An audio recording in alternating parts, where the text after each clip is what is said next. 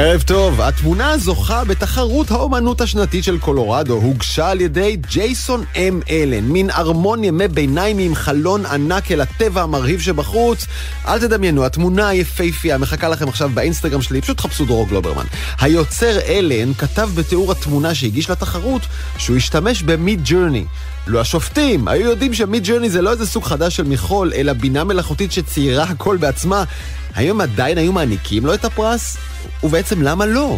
אחרי שזכה, פרצה סערה בעולם האומנות. כן, מישהו ניגש לתחרות אומנות עם תמונה שצוירה על ידי בינה מלאכותית וזכה במקום הראשון. זה מגעיל ומחורבן, כתבו לו. אנחנו עדים למותה של האומנות, כתבו אחרים. מיד ג'רני, כמו דלי ואחרים, משתמש בבינה מלאכותית כדי לספק לכם כל ציור שתרצו בכל סגנון ובכל נושא. פשוט כותבים שורה של מילים ספציפיות, נגיד צילום של דוב עצוב ליד שולחן משרדי, או ציור של רובוטים רוקדים ביער גשום בסגנון פופ-ארט, והתוכנה מייצרת תמונה שבדרך כלל שומטת לסטות. אבל אם נחזור לתחרות, מה כל כך מסעיר? הרי ברור שמחשבים ותוכנות כבר מזמן הפכו לכלי יצירה לגיטימיים. דוברת התחרות אישרה שג'ייסון אם אלן לא הסתיר שום דבר ושחוקי התחרות מאפשרים להשתמש במחשבים. שני השופטים בקטגוריה לא ידעו שמיד ג'רני תוכנת בילה מלאכותית, אמרה הדוברת, אבל שניהם אמרו שגם לו ידעו, הם היו מזכים את אלן בדיוק באותו הפרס. אז למה הסערה? אולי כי זה עדיין מרגיש לנו כמו קיצור דרך לא הוגן מול ציירים אמיתיים. ואם תשאלו אותי, התמונות האלה פשוט מרגשות. זה לא שאדם צייר אותן ולכן האותנטיות קטנה. להפך, העובדה שבינה מלאכותית ציירה אותן, הופכת אותן דווקא לפעמים למעניינות ולמרגשות יותר. ואני מבין אומנים שמנסים לרגש שנים בעזרת צבעים וקנבס, ועכשיו נבהלים כשהם רואים איך אפשר לרגש עם כמה מילים וכמה שטויות במכונה. או כמו שאמר אלן הזוכה, זה לא ייעצר, האומנות מתה, חבוב, זה נגמר. בינה מלאכותית ניצחה, האדם הפסיד. עוד רגע נסביר איך זה בדיוק עובד, איך בינה מלאכותית יודעת לייצר ולצייר כל מה שתבקשו ממנה, איך גם אתם תוכלו לעשות את זה. נפתח כאן בעימות תוסס ורווי יצרים סביב ההשקה של האייפון 14 אתמול, האם אפל שוב התעלתה על עצמה בחדשנות? או שבעיקר בהאדרה עצמית. נדבר על הבחירות הקשות שעשתה מדינת ישראל, באילו תחומי מחקר ופיתוח להשקיע את כספי המיסים שלנו, ובאילו לא. ונדבר עם מפתח של אסלה חדשנית שעשויה להציל את החיים שלכם. מה ששמעתם. העתיד עכשיו, אני דרור גלוברמן, מתחילים. אנחנו יודעים שחיכיתם לזה, באירוע השקה גדול וחגיגי של אפל אתמול הושק האייפון 14, אוזניות ושעון חדש.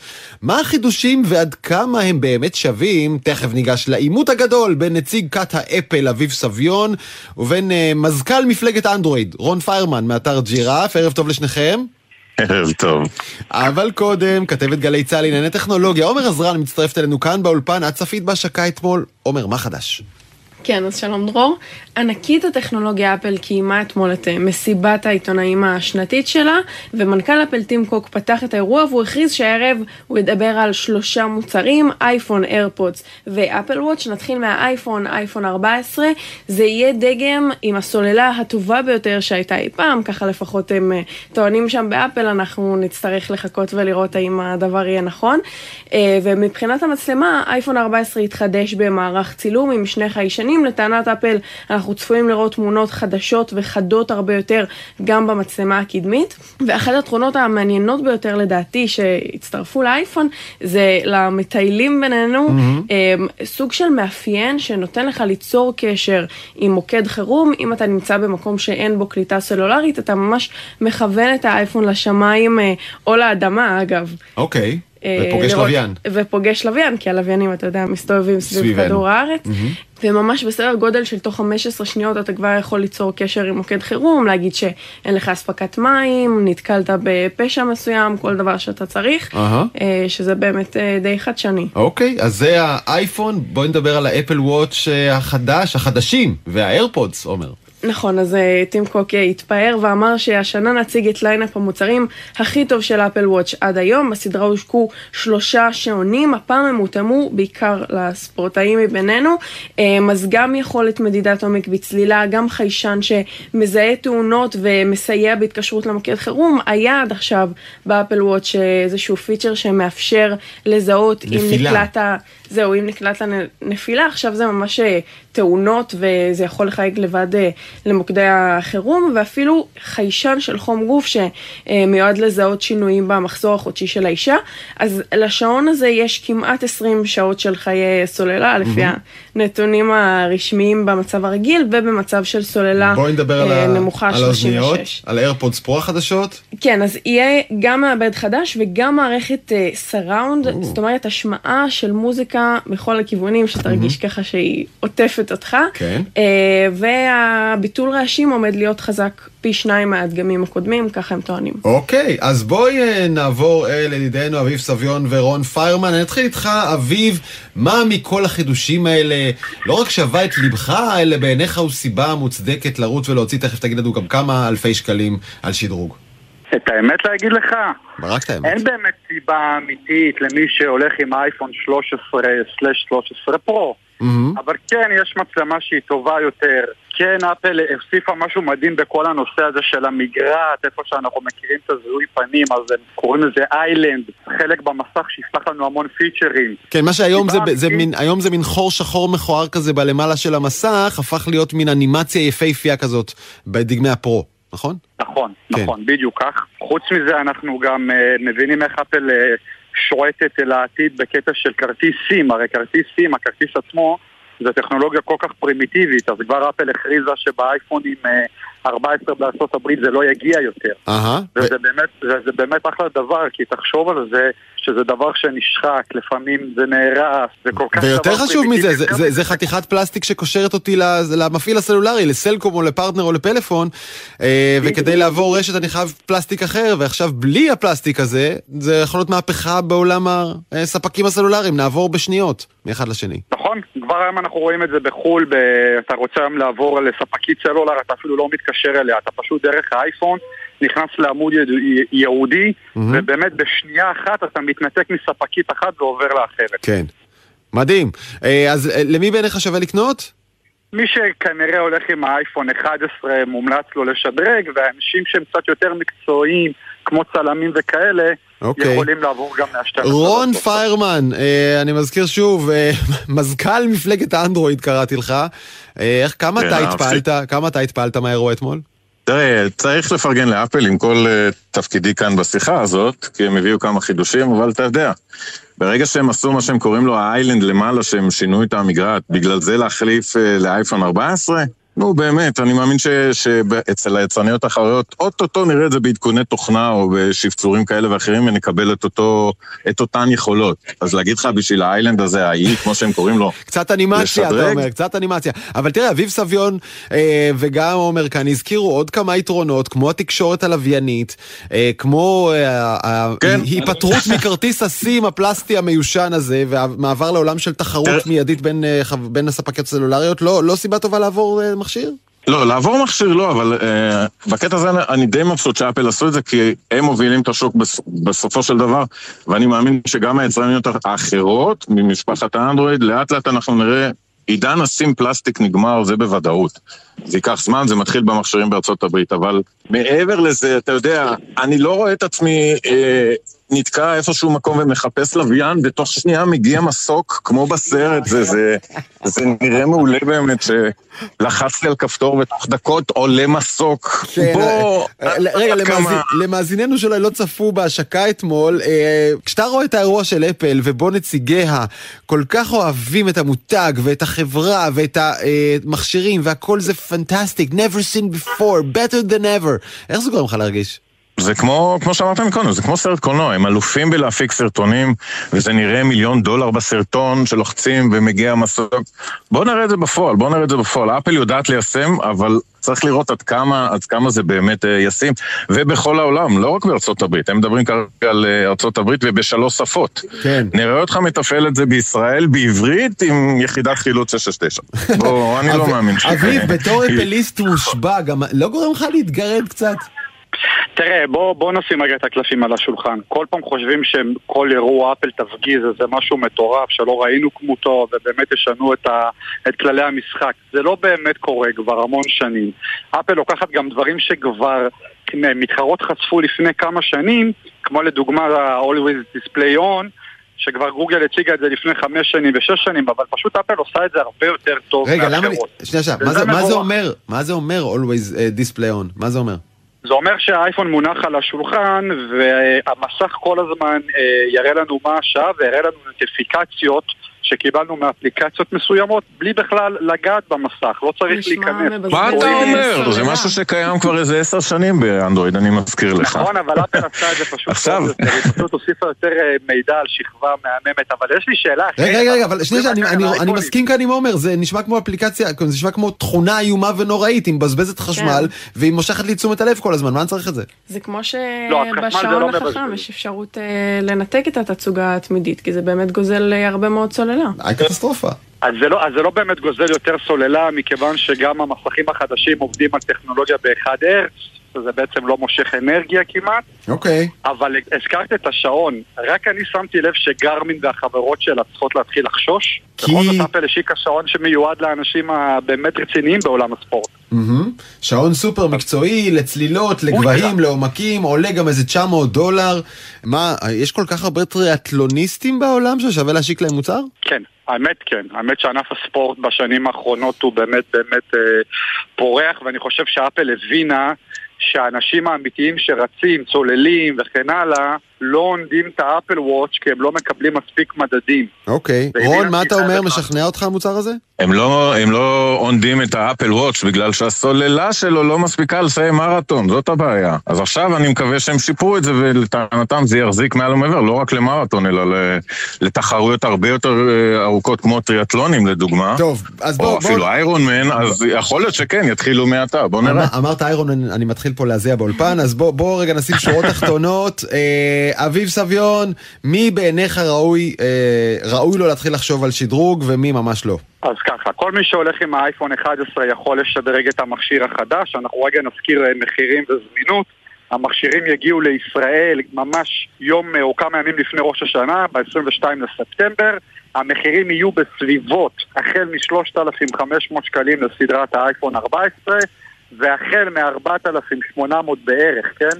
4,800 שקלים לסדרת ה-14 פרו. Hey, לגבי השעונים, שעון זה מוצר שאתה יכול ללכת איתו 4 שנים בלי לשדרג, אז בטח כל מי שעונד את סדרה 5, 6 ו-7 לא חייב יהיה לשדרג. ולגבי האוזניות, מי שרוצה סאונד באמת טוב וביטול רעשים טוב יותר, אז הוא מוזמן לשדרג. רון פיירמן, אתה מזמין? לא. לא. רגע, אבל בוא שנייה, אתה יודע, בוא נשים קפים על השולחן. יש איזשהו שדרוג בעולם שאפל תציע ויגרום לך להזמין, או שזה לא משנה מה, אתה לא במפלגה הנכונה? לא, ברור שכן, ברור שכן, אני פה ציני, אבל אה, הכל עניין של טווח מה היה לך לפני כן, בדיוק כמו שאביב אמר. מי שיש לו 13 אין טעם לשדרג ל-14, אלא אם כן אתה משוגע ויש לך מספיק מזומנים בכיס. הדגמים הישנים יותר כן. אנשי האנדרואיד לעבור לאייפון, לא, אני לא פותח את המלחמה הזאת, וזה דיון לשיחה אחרת ולארבע שעות רצוף, אז קשה לומר במדויק. וגם שם שכנוע לא יהיה. אה, רון פרמן לא. ואבי סביון, תודה לכם על שהראיתם לנו איך מנהלים דיון נוקב עם הרבה מאוד דם רע, אבל בצורה הוגנת, נכון? אה, תודה רבה לשניכם. תודה רבה וחג אפל שמח לכולם. תודה רבה גם לעומר. תודה רבה. אז דיברנו על הבינה המלאכותית שיודעת לצייר כל מה שתבקשו בכמה מילים פשוטות, בתוך כמה שניות, בכל סגנון שתרצו. מה, היא ממש יכולה לצייר הכל? אמ, כמעט. בסופו של דבר היא מכירה את מה שיש באינטרנט, היא התאמנה על מאות מיליונים של אה, תמונות ותיאורים שלהם מהאינטרנט, ויודעת לחבר סגנונות ותוכן לפי מה שהיא מכירה משם, זה פותח פתח להמון המון אפשרויות. הראל קין, ראש צוות מחקר בחברת לייטריקס הישראלית, בואו רגע נעשה סדר. אמ, עצמים דוממים, אנשים, חיות, תעצור אותי מתי שהבינה המלאכותית לא יודעת. אה, אנשים, חיות, נופים, סיטואציות רגשיות ואנושיות כן. וקולנועיות, כל זה יודעת. נכון, אבל למשל, אה, אם היא תכתוב את השם שלך, אולי אותך כן, כי אתה מוכר, אבל אה, אם תכתוב שם של בן אדם אלמוני יחסית, היא לא יודעת איך הוא נראה, ואחת הבעיות הפתוחות היא למשל להוסיף אותו אה, לתוך, אה, לתוך ה, מה שהמודל מכיר. Mm-hmm. אה, וגם סגנונות, נכון? אפשר לבקש בסגנון אה, של תמונה מציאותית, פוטו-ריאליסטי, או סגנונות ציור, אימפרסיוניסטי, או מה שאתם אוהבים, נכון? ולבקש נכון, נכון. צבעי עיפרון, צבעי מים, צבעי גואה, שמן, מה שאתם רוצים. נכון, גם חיבור של קונספטים מאוד מעניינים מעבר לסגנון, זאת אומרת... אה, הדוגמאות שכבר אולי אה, נתקלנו בהן, אה, רקון שיושב בתוך חללית שטס על הירח בסגנון של... ועל פניו מבע נוגה. אימפרסיוניסטי, כן. נכון, נכון. אז תנסה להסביר... השילוב הזה של השילוב הסגנונות הזה, שילוב הקונספטים הוא באמת מפוצץ את המוח, ואני חושב שזאת תחושה שהגענו לאיזה מין עתיד טכנולוגי ש... אני חושב שגם האנשים שמאחורי הטכנולוגיה הזאת לא שיערו כמה, כמה זה יהיה חזק. אני ממש שמח שגם אתה אומר את זה, אה, כי אנחנו בטח, אה, אנחנו אנשים הפשוטים, בטח הרגשנו שזה מפוצץ לנו את המוח, היכולת ליצור תמונות מורכבות ומדויקות כל כך בתוך כמה שניות, וגם יפות. אבל כן. אז תנסה רגע להסביר לנו, גם אתם בלייטריקס פיתחתם מנוע שעושה אה, פעולה דומה, תכף נדבר על איך משתמשים בו, אבל תסביר רגע לעומק, אבל באופן שנבין. איך זה עובד? כן. איך בינה מלאכותית מבינה את המשפט שכתבתי, אה, כלבלב רוכב על סוס ב, אה, בירח, ומציירת את זה? כן. יש פה באמת אה, שילוב של כמה דברים. אה, ראשית, ההתפתחות של מודלי שפה ממוחשבים, שמאפשרים אה, לקודד אה, ולהבין בעצם שפה אנושית לייצוג מספרי קצר ופשוט שתופס את, ה, את התוכן שלהם בצורה מאוד אה, משכנעת. זאת התפתחות שקרתה בתחום העיבוד שפה טבעית. גם כן בשנים האחרונות, אבל בעצם אה, בנפרד מההתפתחות שאנחנו מדברים עליה פה. רגע, אה, כלומר, תן לי רגע לראות אם הבנתי, כשכתבתי כלבלב רוכב על סוס, אז כלבלב מיוצג על ידי המספר 27859047, ורוכב מיוצג על ידי המספר וככה הלאה, הכל הופך להיות רצועת מספרים ארוכה? נכון, שיש לה, שתופסת את המשמעות בצורה שהמחשב יודע אחר כך לנצל. הדבר okay. אוקיי. הזה פוגש כמה התפתחויות אחרות. אחת, זה משפחה של אה, מודלים גנרטיביים, מודלים שיודעים לייצר תמונה חדשה יחסית, שנקראים אה, מודלי דיפוזיה, diffusion אה, שהם ארכיטקטורה מאוד מעניינת ליצירה של תמונה, וכשאפילו אם מבינים אותה ככה למעוף הציפור, רואים שיש בה הרבה היגיון. בגדול התהליך שם הוא יצירה של תמונה מתוך אור ממש רעש, כמו רעש לבן כזה, כמו שהיו לנו בטלוויזיות האנלוגיות פעם, או תמונה אחרת מורעשת שהוסיפו לרעש. ובתהליך הדרגתי המודל בעצם בכמה עשרות או אפילו מאות של איטרציות כל פעם מוריד קצת רעש. במהלך התהליך הזה של הורדת הרעש בעצם התמונה הולכת ונבנית ואפשר להכווין את התהליך הזה אה, ככה שייווצר התוכן שאנחנו רוצים אפשר לומר. אבל אה, עוד לא הבנתי איך, רגע עוד לא הבנתי איך מרעש, אה, מלכלוך על המסך המחשב יודע לגלף דווקא כלבלב רוכב על סוס. ואיך הוא בוחר שהוא יהיה לבן או שחור ויסתכל ימינה או שמאלה? אז, אז תראה, בסוף המודלים האלה, קודם כל הם התאמנו על מאות אה, אה, מעבדים מאוד חזקים ועל מיליארדים של זוגות של תמונות והתיאור הטקסטואלי שלהם שנאספו מהאינטרנט, שגורדו מהאינטרנט, סוננו בכל מיני דרכים ו, ובעצם הדאטה העצום הזה בסוף מאפשר למודל ללמוד את הקשר בעצם בין המשמעות הטקסטואלית המקודדת הזאת להכוונה של תהליך, זאת אומרת לוקחים את התמונה מהאינטרנט, נגיד יש תמונה של אה, כלב פודל אה, שחור, מקודדים את הטקסט שהופיע לידו, שהיה כתוב שם כלב פודל שחור, לוקחים את התמונה הזאת, מרעישים אותה באיזשהו תהליך מבוקר ומלמדים את המודל לעבור מהתמונה המורעשת, שאולי כבר לא כל כך רואים בה את הכלב פודל השחור, אולי רואים איזושהי התחלה של כלב, משהו כזה, עד לתמונה הסופית, שכאמור, אה, ממש נאספה מהאינטרנט. רגע, אני שנייה, שנייה עוצר, שנייה עוצר. סיפרת לנו כאן על שני דברים. אחד, הבינה המלאכותית אספה מיליוני, מיליארדי תמונות מהאינטרנט, כולל התיאור שלהן, ולמדה שפה יש כלב וכאן החתול וזהו, אה, וזוהי נהריה, כן? נכון. והדבר השני, לימדתם אותה ליצור, איך יוצרים את התמונה הזאת, איך יוצרים חתול, איך יוצרים את אה, מאדים, מתוך תמונה עם נכון, רעש. אוקיי. נכון. כשהתהליך היצירה הזה מוכוון על ידי הקידוד של הטקסט. בצורה הזאת בעצם נוצר קשר בין העולם הזה של קידוד של משפטים בשפה טבעית לעולם התמונות ולתהליך היצירה הגנרטיבית שלהם. החיבור הזה הוא באמת אה, מאוד חזק ומפתיע ב- ביכולות של המודל, ככה שעכשיו גם אה, תיאורים טקסטואליים חדשים, אותו רקון עם מבט נוגה שטס לירח, אה, באמת באורך קסום כמעט, המודלים האלה יודעים אה, ליצור את התמונות שמקיימות, בוא נאמר, את התיאור הזה. הבנתי. עכשיו, האם אתה תכעס עליי... האם אתה כן. תכעס עליי אם אני אתאר את זה באמת בתור פלגיאט גניבה אומנותית מאוד מאוד מתוחכמת. כלומר, הרקון הזה בעצם נגנב מרקון אמיתי שהיה באיזה צילום או ציור, והמאדים גם הוא בעצם נגנב מאיזשהו מקום, וגם המבע הנוגע לפנים. הכל התוכנה למדה ממישהו, מתמונה אמיתית, ופשוט שחזרה את התהליך וחיברה אותו לכדי תמונה אחת. תראה, יש בזה, זו טענה שצריך לחשוב עליה ולהתייחס עליה בצורה מושכלת.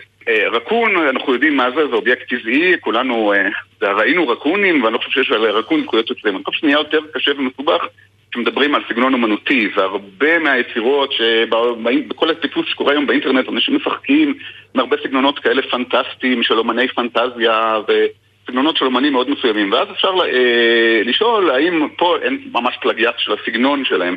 זו כבר שאלה, אני חושב, יותר מורכבת. באמת, האיכות והיכולת לחקות כאילו את הסגנון היא מאוד מאוד חזקה. אה, בסוף זו שאלה למשפטנים. כי תראה, היא התחדדה מאוד, אני חושב, השאלה הזאת, עם הזכייה האחרונה אה, שעליה דיברנו, של ג'ייסון אם אלן, עם תמונת, אה, תמונה שהוא ייצר בעזרת שירות בשם Midjourney, כן, קיבל פרס. כן.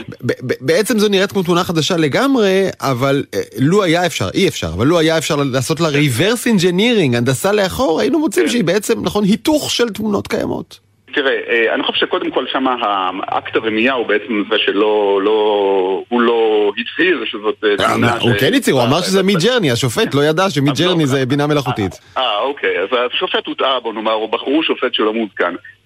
תראה, בסוף גם האומנים של הרנסאנס, או בכל תקופה, בסוף הושפעו אחד מהשני, אה, חיקו את הסגנון אחד של השני וכל אחד לקח את זה לכיוון קצת אחר וכולי, אבל שוב, היה להם איזה mastership שהם ידעו, אה, לפחות היה, את הסקיל של החיקוי, הסקיל הידני של לצייר בסגנון אחר ולתת לו איזו אינטרפרטציה אחרת וכולי. פה באמת השאלה אולי עכשיו שתבדיל בין המקצוענים לחובבנים, בין האומנים לחקיינים, ומה, וזו שאלה מאוד מסובכת עכשיו, זה מה... אם כל כך קל ליצור אומנות כל כך uh, מעניינת ומשכנעת, מה מותר המקצוען מהחובבן מה, שלא, שלא יודע כלום. האם הוא יכול לקחת את התוצאה הממוחשבת ולאבד אותה עוד, לתת לה עוד איזה טאץ' אישי של אומן, uh, אולי היא רק נותנת לו רעיונות ראשוניים. Uh, שם זה נהיה, מצד אחד זה יוצר דמוקרטיזציה מאוד גדולה של כל התהליך, ואנחנו בלייטקס מאוד... אה, שמחים על הדבר הזה וחושבים שזה נותן המון כוח למשתמשים, mm-hmm. אבל אה, באמת השאלה הזאת שעכשיו של אותו מעצב מקצוען, אה, בוגר בצלאל, האומן, איך הוא עכשיו מצליח לנצל את הכלים האלה לצרכיו, אבל גם לתת את הערך המוסף הייחודי לו. בוא נגיד שאנחנו מבינים אומנים שהחל מרועד להם הפופיק ועד חמתם בוערת בהם להשחית, שכל... טמבל עם אינטרנט יכול לייצר עכשיו ציור בשתי שניות שנראה אמיתי, מקורי, מרגש, אה, מה שהם אולי עבדו, אה, כן, זמן ארוך ולא יגיעו לתוצאה כזאת. אה, נכון, אני אישית עדיין חושב שבסוף תהליך של יצירותיות אמיתית, אנושית, של האומנים הגדולים לאורך ההיסטוריה, הם הביאו ליצירה שלהם משהו שלא היה שם קודם, משהו שבא באמת מהגאונות שלהם. ואני חושב שזה עדיין יבדיל את ה... אני שם לך כוכבית, אתה מקווה, אתה מקווה שזה המצב. אני מקווה, כן, משהו בין מקווה למאמין. אוקיי, בוא נדבר עכשיו רגע עליכם לייטריקס, מי שלא מכיר, לייטריקס היא יצור מאוד מיוחד בנוף ההייטק הישראלי, אה, זה סטארט-אפ ירושלמי שפיתח אפליקציה סופר פופולרית בכל העולם, עד כה כבר שמענו כמה דברים שאין אותם הרבה בישראל, אה, ואני אזכיר את פייס פייסטיון, אפליקציה אחת מהטובות בעולם שמאפשרות לערוך את הסלפיז שלכם, לעשות אותם טובים יותר, אה, ואפליקציות לעריכת וידאו ועריכת סטוריז, באמת אפליקציות יפהפיות וסופר פופולריות, ועכשיו נכנסתם גם אתם להכנת אה, תמונות כאלה בסגנון שעליו דיברנו, כמו DALL-E וכמו Midjourney, אה, מה אתם עושים? אז, אז תראה, קודם כל אנחנו מחפשים, אני, אני חושב שה flow של פשוט טקסט לתמונה הוא flow אחד, מעניין וחשוב, אבל אמ, בסופו של דבר משתמשים, במיוחד פונים לקהל מאוד רחב, מחפשים אה, אה, תהליכים שהם אה, יותר קלים לשימוש, יותר פשוטים ומוכוונים. אנחנו יכולים לנצל את הטכנולוגיות האלה, כמו שניצלנו לפני כן במוצרים הקיימים שלנו, את כל המהפכות הקודמות בתחום של למידה עמוקה ומודלים גנרטיביים וכולי. אה, להנגיש ולאפשר שימוש מאוד פשוט ואינטואיטיבי בדברים האלה. הכלים האלה שדיברנו עליהם כל השיחה עכשיו, mm-hmm. המודלים, המודלי הדיפוזיה האלה, בסופו של דבר מורכבים וחזקים מאוד, אבל אפשר מעליהם לבנות מוצרים שמנגישים, מפשטים את התהליך, מכווינים אותו. למשל, לדוגמה, אה, אם אני רוצה לערוך אה, תמונות אה, לקחת תמונה שלך ולשנות לך אטריבוטים מסוימים בתמונה, את סגנון השיער או משהו כזה, אפשר לבנות את זה מעל הטכנולוגיות האלה בצורה וואו. לא, אתה לא, אתה לא יכול לגעת לי בשיער, אתה לא יכול לגעת לי בשיער, אבל אתה יכול להוסיף לי עשרה סנטימטר, זה בסדר. לגובה. אז איך משתמשים בזה? מי שמאזין לנו עכשיו ורוצה גם לייצר תמונות יפהפיות בקלות, בעזרת לייטריקס, איך לעשות? אז הוא מוזמן להוריד למשל את אפליקציית Photoleap או אפליקציית Motionleap. יש שם ממשקים לדברים האלה, פוטוליפ למשל אה, היא לעריכה כללית של תמונות, ומושן ליפ להנפשה של תמונות, ואפשר שם להתחיל פרויקט מהכנסה של טקסט כזה, לקבל כל מיני תוצאות אה, מאוד מאוד מעניינות, ואחר כך לקחת את הכלים הקיימים הנוספים שיש בתוך האפליקציות ולערוך את התוצאה עוד. בצורות מאוד מעניינות. אה, אוקיי. Okay. השימוש, אפליקציות חינמיות בהורדה, רוב הפיצ'רים הם בחינם, ויש פיצ'רים מסוימים שמצריכים מינוי בתשלום. אוקיי, okay. שמע, יכול להיות, אם אני מקשיב למילים של אותו זוכה בפרס, יכול להיות שיהיה לכם יד בחיסול האומנות האנושית. אני, אני מקווה שלא. אני חושב ש... אה, היו הרבה התפתחויות טכנולוגיות קדמות, אמנם אולי הן לא מרגישות בהקשר האומנותי כל כך אה, מרגשות כמו, כמו זאת הנוכחית, אבל אה, אומנות תמיד הייתה גם מעבר לזה, ויש משהו ברוח האנושית של יצירה אומנותית אמיתית, שתמיד הוא קצת מעל הטכנולוגיה, ו... אה, אני, אני עדיין מאמין בזה. הראל קין, ראש צוות המחקר בלייטריקס, תודה רבה על השיחה הזאת. תודה לך. סוף סוף מדינת ישראל בוחרת במה היא רוצה להצטיין. כי יש הרבה תחומי מחקר ופיתוח שאנחנו חזקים בהם, אבל איפה נכון למדינה להשקיע את כספי המיסים שלנו? איתנו פרופסור פרץ לביא, יושב ראש המולמו"פ, שעמד בראש הוועדה לגיבוש תחומי עדיפות לאומית מדעית טכנולוגית, הוא גם לשעבר נשיא הטכניון. שלום פרופסור לביא. ערב טוב, ערב טוב לכל המאזינים. לפני שנספר באילו תחומים בחרה מדינת ישראל ובאילו תחומים היא לא בחרה, בוא נסביר רגע מה הכוח של המדינה כאן? כי יש כבר אוניברסיטאות, יש מכוני מחקר, יש חברות פרטיות. מה הסיבה שבגללה שווה למדינת ישראל להכניס יד לכיס התקציב ולהשקיע בפיתוח מדעי? מדינת ישראל משקיעה בפיתוח מדעי. בעצם האוניברסיטאות ממומנות על ידי המדינה, אה, ות"ת, אה, מכונים ממשלתיים משקיעים במחקר, המדענים הראשיים במשרדי ממשלה משקיעים במחקר, המדינה משקיעה במחקר, הבעיה הייתה שלא היה גוף שיסתכל על כל המחקר שנעשה במדינת ישראל וניסה לזהות מהם התחומים החשובים ביותר. נכון, אבל אני, אני הולך רגע כל... אחורה, אני הולך שנייה שלב אחורה. למה המדינה משקיעה במחקר? הלו זה לא, זה לאו דווקא תחומים שאתה שם דולר ומקבל עשרה דולר בעוד שנתיים, נכון? יש הרבה מאוד סיבות להשקיע במחקר. ראשית, הסיבה הכלכלית. השקעה במחקר היום תניב פירות בעוד כמה שנים. אה, מחקר גם מקדם את המדע, מחקר מקדם את מדינת ישראל מבחינה בינלאומית. אין מדינות מפותחות שלא משקיעות במחקר אה, מדעי. ומדינת ישראל, אני חושב, הגיעה להישגים שהגיעה, וה nickname שלה, ה startup nation, mm-hmm. חלק אה, גדול מההצלחה הזאת אפשר לזקוף לזכות המחקר המדעי, גם באוניברסיטאות, גם בחברות, גם במכונים ממשלתיים. אה, זה העתיד הכלכלי של מדינת ישראל. אני אסתכל בעיניים מאוד צרות, אל תכעס עליי. אה, הכסף הזה חוזר בסוף? בוודאי. יש אה, היום במדינת ישראל כמה תחומים שהם חיוניים אה, לעתיד המדינה. Mm-hmm. אם ניקח למשל את הנושא של אה, אנרגיה. העולם כולו עסוק בשאלה כיצד אפשר להחליף אנרגיה שמיוצרת על ידי אה, אה, אה, מאובנים, כן, כלומר פחם ונפט, שמזהמים ותורמים למשבר האקלים באנרגיות מתחדשות, באנרגיות ירוקות. אה, מדינת ישראל חייבת להיות שם. איך אנחנו אוגרים אנרגיה, איך אנחנו אה, אה, ביום משתמשים באנרגיה ובלילה אוגרים אותה. Mm-hmm. אה, אלה שאלות ממש קיומיות. נכון, מספיק ו- לפתוח אה, עיתון אה, ולראות כמה. חשוב לכל מדינה ל- אה, להיות עצמאית ככל האפשר אנרגטית. אה, אז, אז בחרתם אנרגיה מתחדשת כאחד מהתחומים שבהם תשקיעו. אחד התחומים. בואו נמשיך אה, הלאה. נושא שני, נושא שני זה המזון. פודטק, מה שנקרא, טכנולוגיות מזון. ישראל היא היום אחת המדינות המובילות בעולם בחיפוש אחרי חלבונים אלטרנטיביים. אה, כל העולם מדבר על זה, נכון. שתוך כמה שנים יהיה משבר עולמי בתחום המזון. מדינת ישראל יכולה להיות פורצת דרך ומובילה בתחום הזה. אה, רק היום היה בעיתון שחברות ישראליות דווקא מקימות מפעלים לייצור מזון אלטרנטיבי באירופה. מדוע לא להקים אותם בארץ?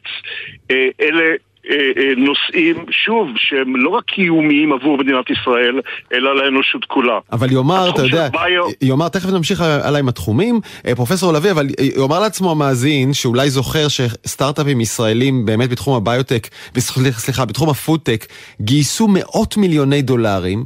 וישאל, אוקיי, נראה שהתעשייה מסתדרת מעולה, למה המדינה צריכה להכניס יד לכיס ולהוציא גם את הכסף מיסים שאני שילמתי? שאלה מצוינת.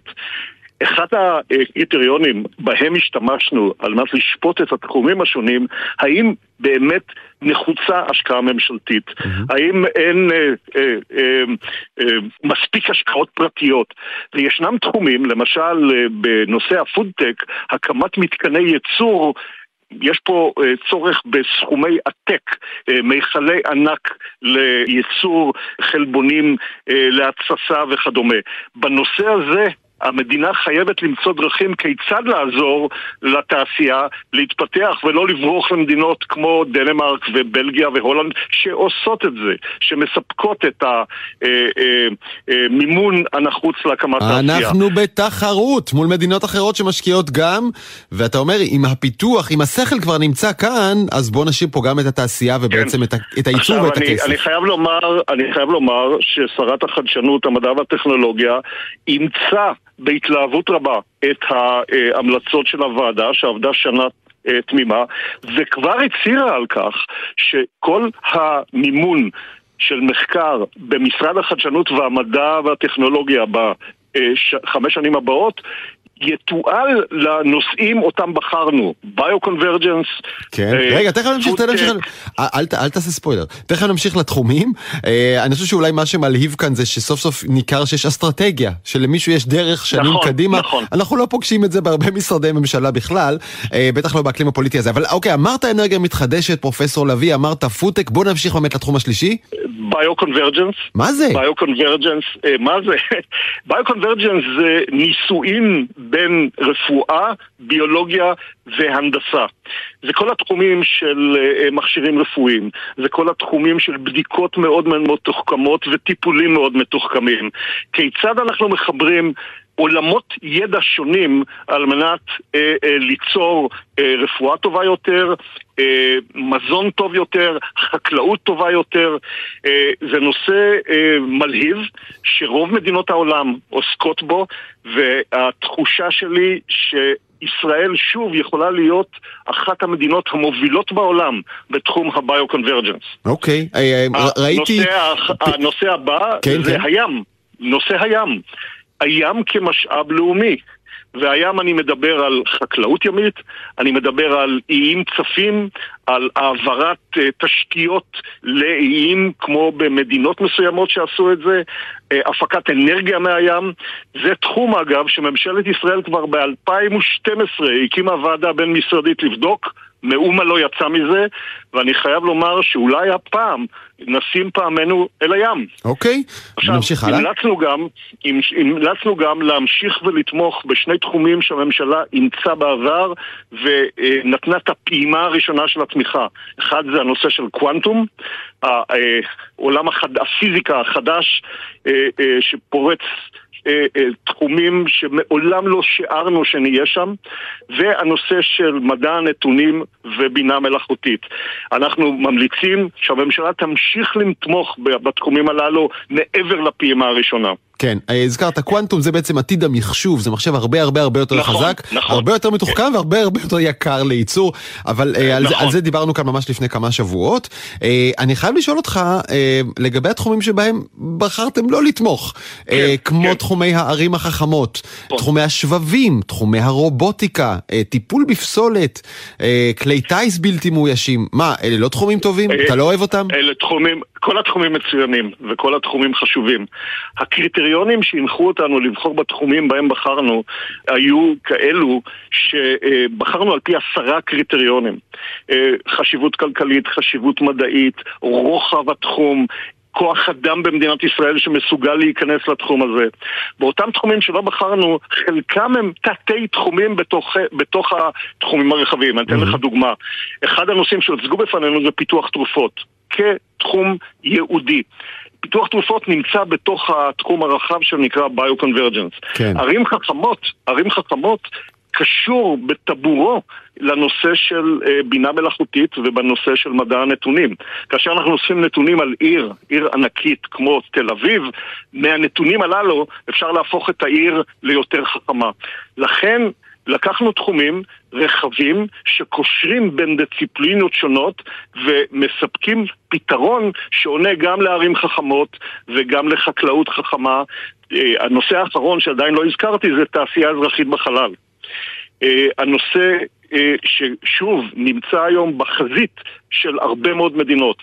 חקלאות מתוחכמת קשורה בתעשייה אזרחית בחלל, משום שלוויינים היום מספקים אינפורמציה על אה, יבולים חקלאיים, על שטחים חקלאיים, וכאשר קושרים את הנתונים הללו לבינה מלאכותית ולמדע הנתונים, אנחנו מכסים את כל התחומים הללו. לכן הקריטריונים היו רחבים, כן. עבדנו שנה שלמה בעידודה של השרה אה, אורית פרקש הכהן, שעשתה פה עבודה באמת יוצאת מהכלל, ואני מאוד מאוד אה, מקווה שהממשלה הבאה תמשיך בדרך הזאת ותאמץ את התחומים הללו כתחומי עתיד של מדינת ישראל. כן. עכשיו אני, אני חייב לשאול אותך, אתה יודע, אנחנו, אה, בטח הישראלי הממוצע רגיל להסתכל על מדינתו בהתפעלות והערצה אה, באזורי המדע והטכנולוגיה, אה, אבל נדמה לי שאם מתבודדים על התחרות הבינלאומית בעיניים קצת פחות לוקאליות ויותר מפוקחות, מצבנו לא כזה מדהים. אתה צודק. אנחנו אי שם, ב, הייתי אומר, בשליש העליון של המדינות המובילות מבחינה מדעית וטכנולוגית, אבל ישנה נסיגה בשנים האחרונות באיכות המחקר המדעי במדינת ישראל. אני מאוד מקווה שהנטייה הזאת תשתנה בשנים הקרובות. Mm-hmm. ישנה בריחת מוחות מהארץ שצריך לעצור אותה. להפך, צריך להחזיר אותם ארצה. היום אין אוניברסיטה אמריקאית מובילה שאין בה ישראלי אה, אה, כוכב, אותם צריך להחזיר ארצה. אנחנו עדיין מצטיינים, אבל כמו שאמרת, התחרות היא קשה, וההשקעות של הממשלה במחקר חיוניות לשמור גם על המקום שלנו וגם להתקדם הלאה. תשמע, אמרת השליש העליון, יש כמעט 200 מדינות בעולם, השליש העליון שם אותנו ב-60-70 הראשונות, זה, זה לא מדהים. אנחנו, הייתי אומר, בשלושים הראשונות. אוקיי, אה, אוקיי. אני לא לקחתי בחשבון את כל המדינות. את כל המדינות. ורק כן. נסכם בשאלה קטנה מספרית, אתם שולטים בעזרת ההמלצות שלכם בתקציבים של 180 מיליון שקל בשנה. ישירות. אה, ישירות. אבל כן. תקן אותי אם אני טועה, כשמדובר בהשקעה במחקר ופיתוח מדעי, גם אם הייתי נותן לך 180 מיליארד שקל בשנה, היה לך מה לעשות איתם. אתה צודק במאה אחוז. נכון, אין גבול. אין גבול. 180, אה, אתה צודק במאה אחוז. פרופסור פרץ לביא, בחרתם אסטרטגיה לחמש שנים, אבל אה, אפשר רק לקוות שהיא תוביל את מדינת ישראל קדימה גם לעוד עשרות שנים. תודה רבה לך על השיחה הזאת. תודה לך. עכשיו כמה דקות על פיפי. בדיקות השתן המוכרות מלמדות אותנו כל כך הרבה על מצבנו הבריאותי, אז למה לא לנצל את כל הפעמים שאנחנו הולכים להתפנות מדי יום כדי להבין יותר טוב את מצב הגוף שלנו? אז קבלו אסלה חכמה. מה עושה אסלה חכמה? אסלה חכמה מנטרת את השתן, את רכיבי השתן ומאפייני השתן בזמן אמת כל פעם שבן אדם משתין. גיא גולדמן, מייסד הסטארט-אפ Diagnostics, אה, אז, אז כשאני הולך לעשות פיפי, מה בדיוק יקרה באסלה החכמה שלך? אוקיי, okay, כשאתה משתין אין שום שינוי, אתה משתין כמו שהשתנת מגיל 2, ואנחנו עושים ניטור מולקולרי בצורה הורזנטלית, זאת אומרת כשהשתן באוויר ויורד לכיוון המים של האסלה, אנחנו בודקים איזה מולקולות יש בתוך השתן, אנחנו גם בודקים כמה כמות השתן שאתה משתין, באיזה צבע, כל הדברים האלה שמאוד מאוד חשובים בשביל לנתח מה מצב הגוף שלך. וואו, כלומר אתה, אתה מנתח את השתן במעופו. נכון, נכון, בזמן אמת. אה, אז ספר לי, איזה מידע אתה מצליח לשאוב מתוך אה, מעוף הפיפי? אז אנחנו בעצם בודקים את כל המולקולות השונות שיש בתוך השתן. מתוך המידע הזה אפשר לדעת המון המון דברים. מה שאנחנו ממש מתמקדים עליו עכשיו זה לעשות גילוי מוקדם של מחלות עוד לפני שיש לך סימפטומים, אוקיי? אילו מחלות? אז הנה, דוגמה. יכול להיות שאצלך בגוף כרגע גדלים לך כל מיני דברים בתוך כליות, אוקיי? אבנים בכליות. עכשיו, אתה בעצמך לא מרגיש אותם. אתה לא מרגיש את זה עד שאתה מתעורר איזה יום אחד בבוקר, כולך מכופף מכאבים. עכשיו, אנחנו יכולים לנטר הרבה לפני, שבועות לפני, שהדברים האלה גדלים אצלך. ואתה יכול ללכת לרופא שיעשה לך, ייתן לך בסך הכל כדורים, להעמיס את האבנים. וואו. אתה לא מקבל הר... את הכאבים. בשביל הרבה אנשים זה מדהים מה שאמרת עכשיו, אבנים בכליות זה דבר שמוציאים בקושי אחרי שכבר כואב לי. ואתה אומר, נוציא נכון. את זה נכון. בקלות לפני שכואב לך. עכשיו תחשוב על אה, אה, דלקות בדרכי השתן, על התייבשויות, על אה, אפילו אה, אי ספיקת לב.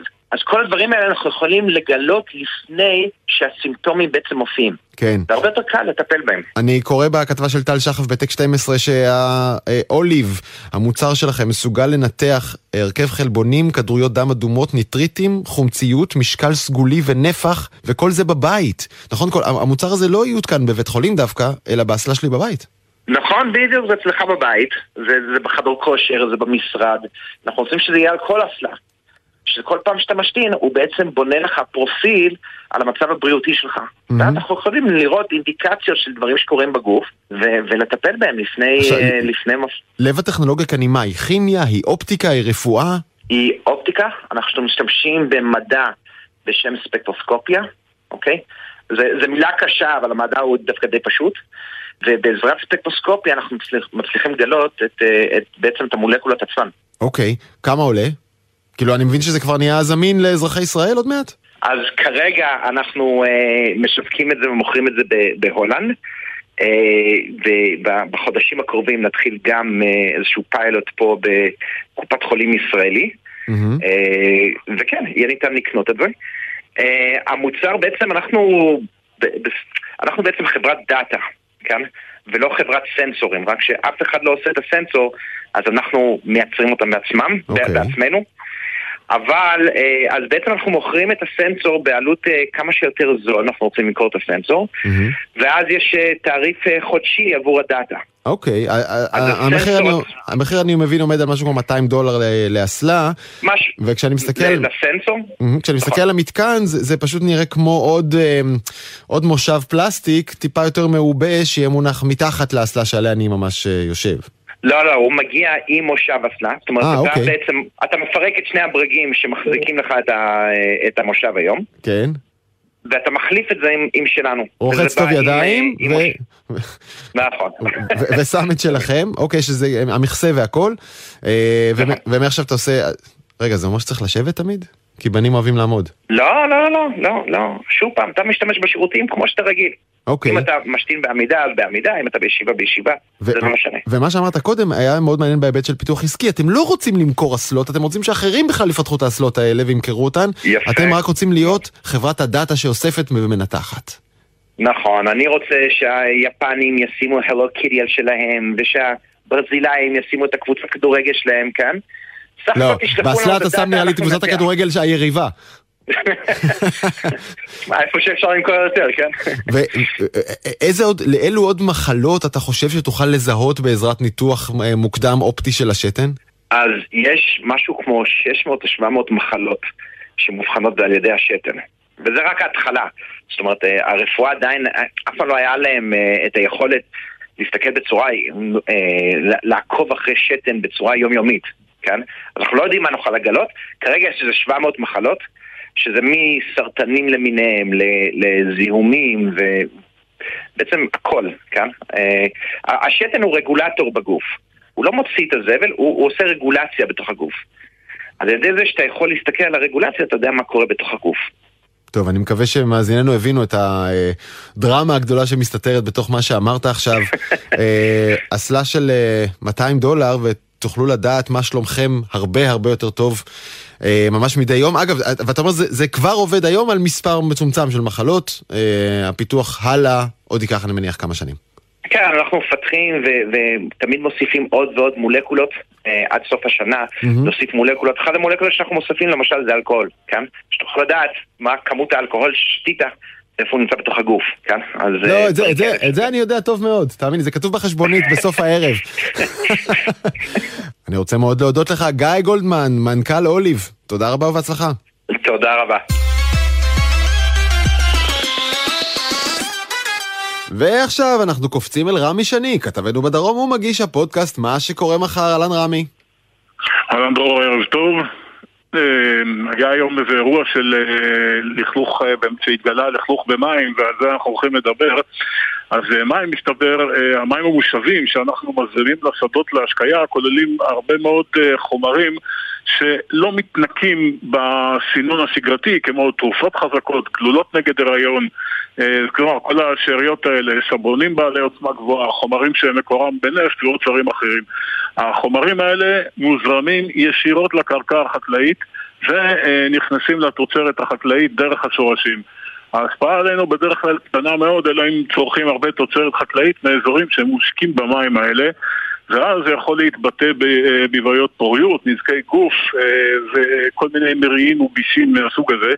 המהנדס דני חיימוביץ' שנבהל מתוצאות סקרים, אותם קרא בעיון רב בעניין הזה, החל לחפש תחליף שיאפשר לסנן גם את החומרים האלה החוצה מימי השתייה וההשקיה.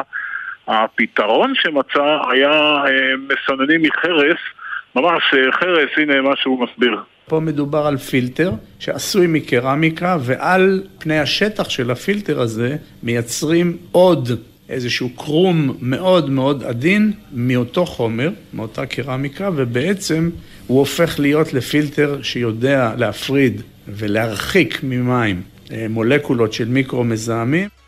די מדהים.